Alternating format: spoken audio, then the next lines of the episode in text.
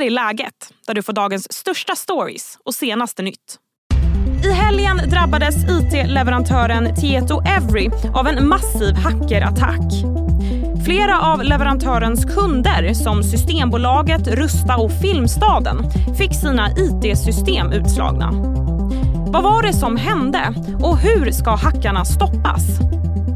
Hör Lasse Wierup, krimreporter på Dagens Industri. I dagens avsnitt ringer jag även upp Svenska kyrkan som drabbades av en liknande attack i november. Hur ska de förhindra att samma sak händer igen? Jag heter Sally Sjöberg. Först välkomnar jag Lasse Wierup. Du är krimreporter på Dagens Industri och har skrivit flera böcker om organiserad brottslighet. Hej Lasse! Hej! Det är den ryska hackergruppen Akira som ligger bakom helgens attack. Vad är det för grupp? Ja, det är en eh, Rysslandsbaserad eh, cyberkriminell gruppering som har dykt upp under de senaste tio månaderna, tror jag man kan säga, eh, globalt och eh, knutits till attacker i USA, Kanada, Storbritannien och eh, även då de nordiska länderna. Vad är gruppen ute efter? Det är lite svårt att säga. Eh, Tito Ebry bekräftar att det handlar om en så kallad ransomware-attack, vilket betyder då att det finns någon typ av utpressningsintresse eh, i det här, alltså att eh, Tito Ebry och kanske även deras kunder ska betala pengar. Ehm, det brukar handla då om att man eh, ska få tillbaka stulen data. Men också i nästa steg eh, så brukar gärningsmännen kräva betalt för att man inte ska läcka känsliga personuppgifter eh, ut på internet. Och det där är någonting som företag är väldigt rädda för. För att om det sker så kan de tvingas betala höga böter eh, utifrån den lag om eh, GDPR, alltså skydd för integritetskänsliga uppgifter som, som EU har infört. Vissa drabbade företag hade så sent som i morse bara fortfarande problem. Filmstaden är ett sådant exempel. De kan inte sälja några biljetter online. Hur allvarlig skulle du säga att den här attacken är? Den är ju eh, allvarlig på flera olika plan. Tito Evre är ett jättestor spelare eh, som eh, hostar, som man säger, har hand om eh, IT-hantering, eh, systemhantering för väldigt många stora bolag. De har varit duktiga på att sälja in den tjänsten och naturligtvis då garanterat de har ett jättehög säkerhet. Så det är många som har förlitat sig på dem. Och nu drabbas då de här kunderna av eh, ja, produktionsbortfall och eh, att man riskerar att tappa viktig data och förstås också då i nästa led av, av ekonomiska eh, förluster bland annat för eh, om man nu skulle mota förmodan, man säger ju att man inte vill betala ut precis pengar, men ibland så ser man att det är det enda utvägen vissa företag har och då de här dryga straffavgifterna. Eh, polis som jag pratade med precis säger då att ja, det kan ju på ett sätt verka banalt kanske att man inte kan köpa sina biobiljetter men han menar då att det här kan liksom sammantaget eh, påverkar människors tillit till eh, IT-systemen och eh, till liksom landets förmåga på olika sätt. Jaha, om man inte ens kan eh, skydda sådana här vardagliga funktioner, hur ser det då ut kring säkerhet, IT-säkerhet som rör liksom, eh, nationens eh, ja, militära och liksom politiska och ekonomiska system och så. Så att eh, det kan också finnas med eh, som ett potentiellt motiv i det här då, att man liksom vill undergräva allmänhetens förtroende. Det är då och då vi hör om såna här hackerattacker. Ehm, hur brukar de normalt gå till, lite enkelt förklarat?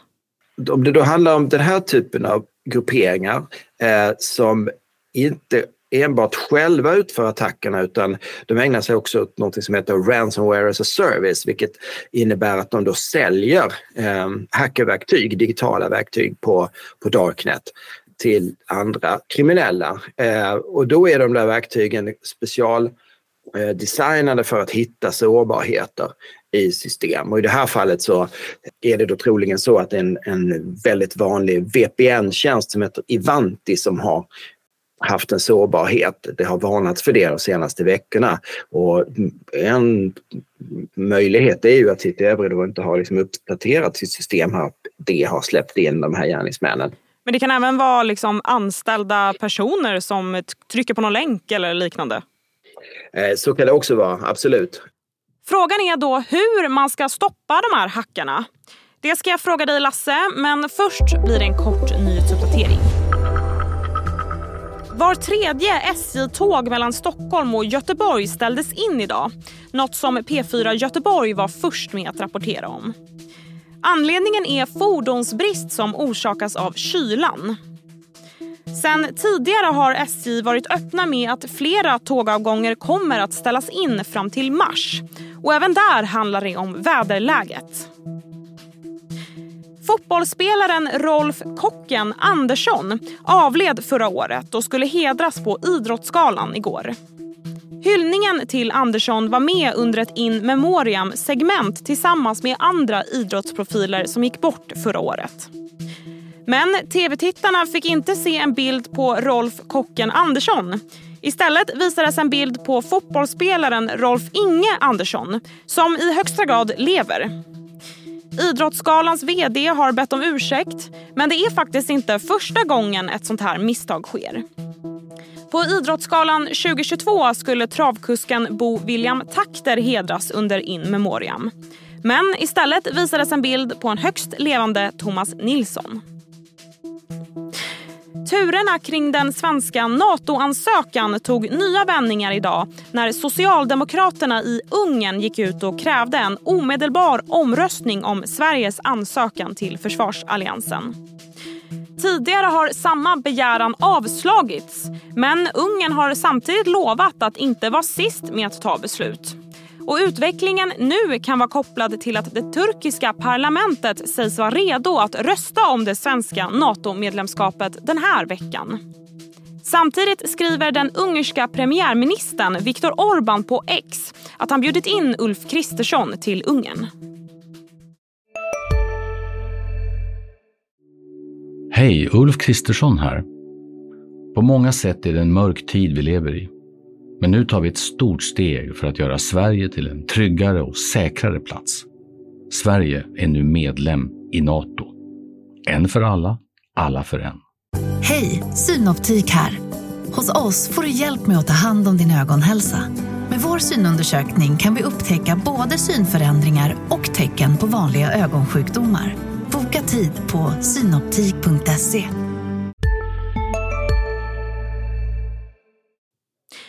Tillbaka till Lasse Virup, krimreporter på Dagens Industri.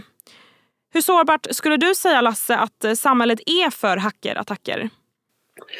Jag tror att har man tillräckligt mycket tid, tillräckligt mycket pengar, tillräckligt motivation i de här grupperna så kan man nästan ta sig in i nästan vad som helst. Och det tänker jag, det tror jag är liksom avgörande att människor på alla nivåer har med sig. Men också tror jag att det här kommer på en lite högre nivå att leda till funderingar i, inom börsbolag till exempel, och myndigheter också, hur mycket man kan lägga ut på en annan part som i det här fallet Tito Euro. Det kan ju vara förförande förstås att um, slippa ha de där kostnaderna själv för att um, ta hand om sin, sina IT-system. Men om ett företag drabbas på det här sättet så då är liksom skadeffekterna massiva på väldigt många andra. Eh, och det kanske egentligen skapar större kostnader än det man hade hoppats kunna spara. Det låter som nästan som att det är omöjligt att stoppa sådana här attacker. Det är det eh, nog, vad ska jag säga, den allmänna uppfattningen eh, inom de säkerhetsföretag som hanterar det här och även inom polisen. Eh, och det är också därför att man ser att väldigt känsliga verksamheter drabbas. Men som de flesta företag när de utsätts säger ju vi kommer inte betala några pengar.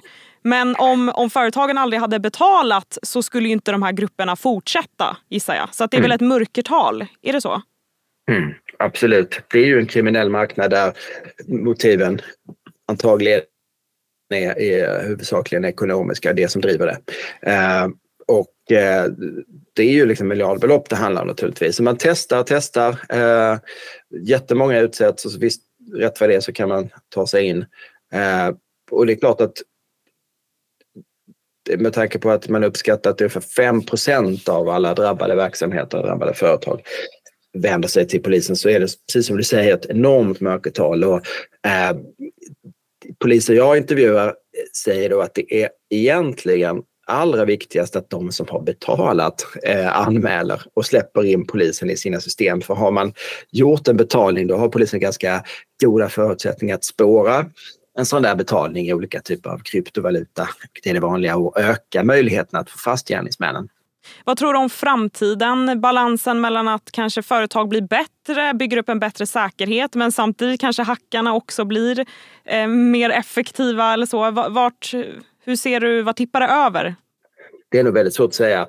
Det man kan säga är ju att det är ett ständig tävlan om att vara bäst i den här världen. Den drivs ju ofta eh, av eh, ska säga, skarpa hjärnor med en, eh, som får en, en kick av att lyckas med den här utmaningen. Det kan man ju också se. Men det är klart, i de här mer då renodlat kriminella grupperingar som den här Akira som nu är aktuell eh, tillhör så är det klart att då är, då är det ju ja, att tjäna pengar som är syftet. Och möjligtvis då att man kan tänka sig att det även finns ett politiskt syfte, att det är liksom sanktionerat av, eh, av en stat som har politiska motiv. Och det är klart att ja, har man det, om man har den resursen och kapaciteten, man ägnar sig åt detta 24-7 så kommer man att lyckas då och då. Mm. Något mer som du vill lägga till här som är viktigt? Dagens Industri kan berätta här idag då att Tito Euro har fortfarande efter fyra dygn inte släppt in polisen. Eh, så det står en hel del eh, cyberbrottsutredare och IT-forensiker och, och väntar i startblocken eh, för att ta reda på vad det är som har hänt. Och tiden är kritisk i de här sammanhangen. Så polisen har ju vädjat här till Tito Euro att faktiskt låta dem få göra sitt jobb. Så vi får se hur det går med den här frågan. Den är ju väldigt viktig liksom ur ett äh, lagförings och ja, brottspreventivt syfte kan man ju tänka sig om, om, om gärningsmän trots allt åker fast. Då. Ja, absolut. Tack snälla för att du var med Lasse. Tack. Det är inte bara Tieto Every som drabbats av en allvarlig IT-attack. Svenska kyrkan utsattes så sent som i november förra året. Och nu är FBI inkopplat i kyrkans fall. Varför då? Det hör du om, men först blir det fler nyheter. Sen flera år tillbaka sätter omfattande FN-sanktioner stopp för nästan all handel med Nordkorea. Men sanktionerna gäller dock inte skönhetsprodukter och Nordkoreas export av smink och peruker till Kina ökar nu kraftigt. Exporten mer än 13-faldigades under förra året. Från motsvarande 153 miljoner kronor till nästan 1,75 miljarder.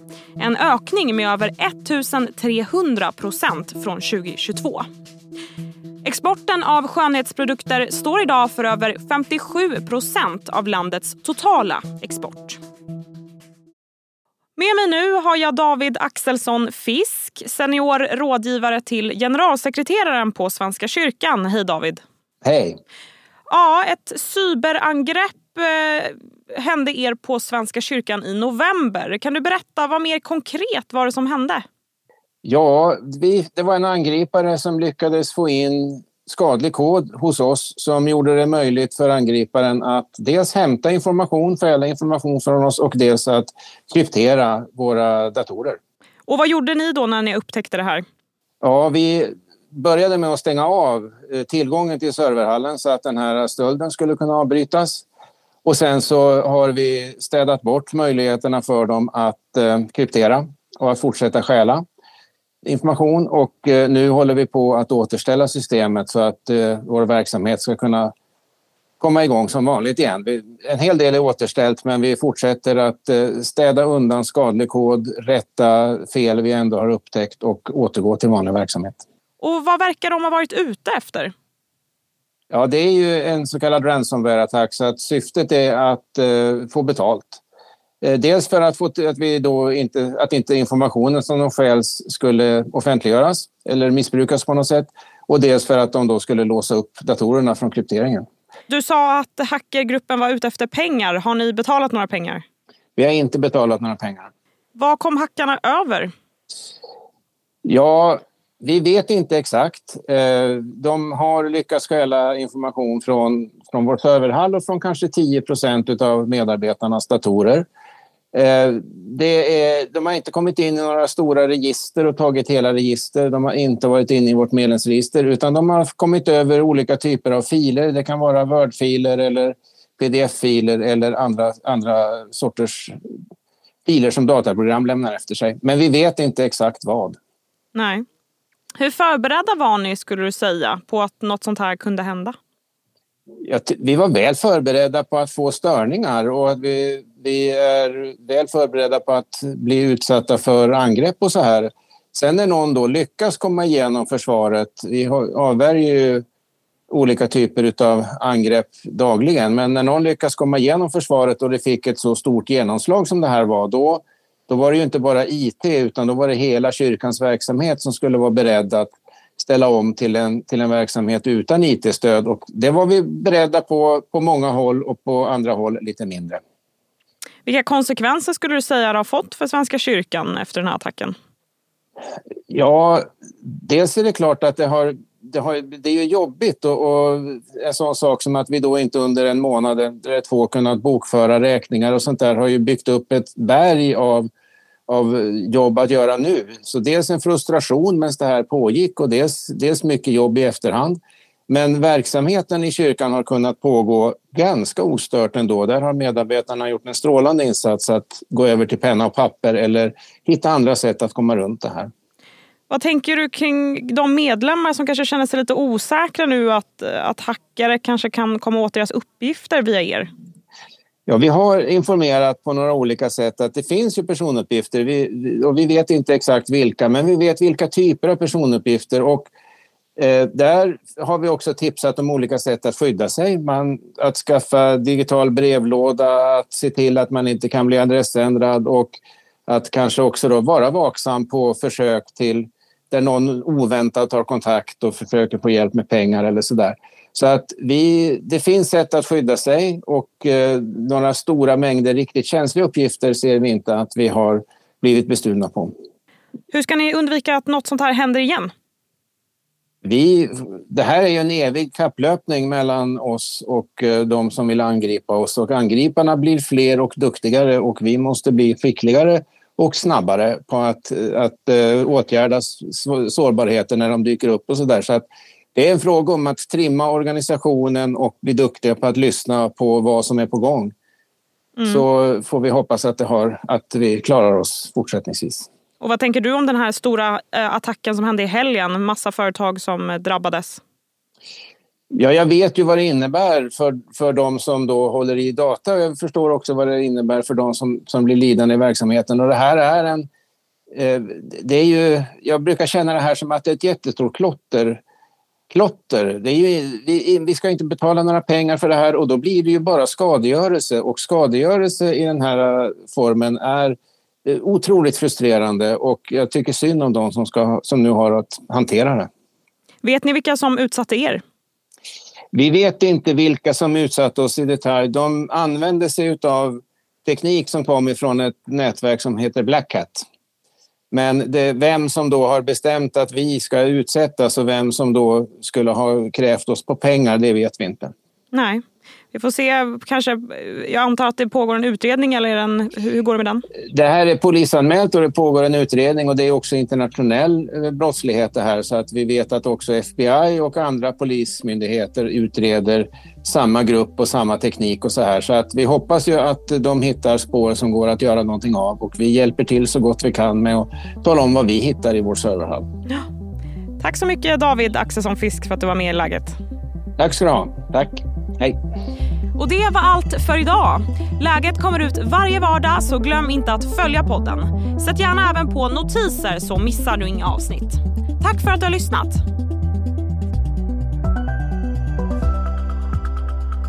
Du har lyssnat på en podd från Expressen. Ansvarig utgivare är Klas Granström.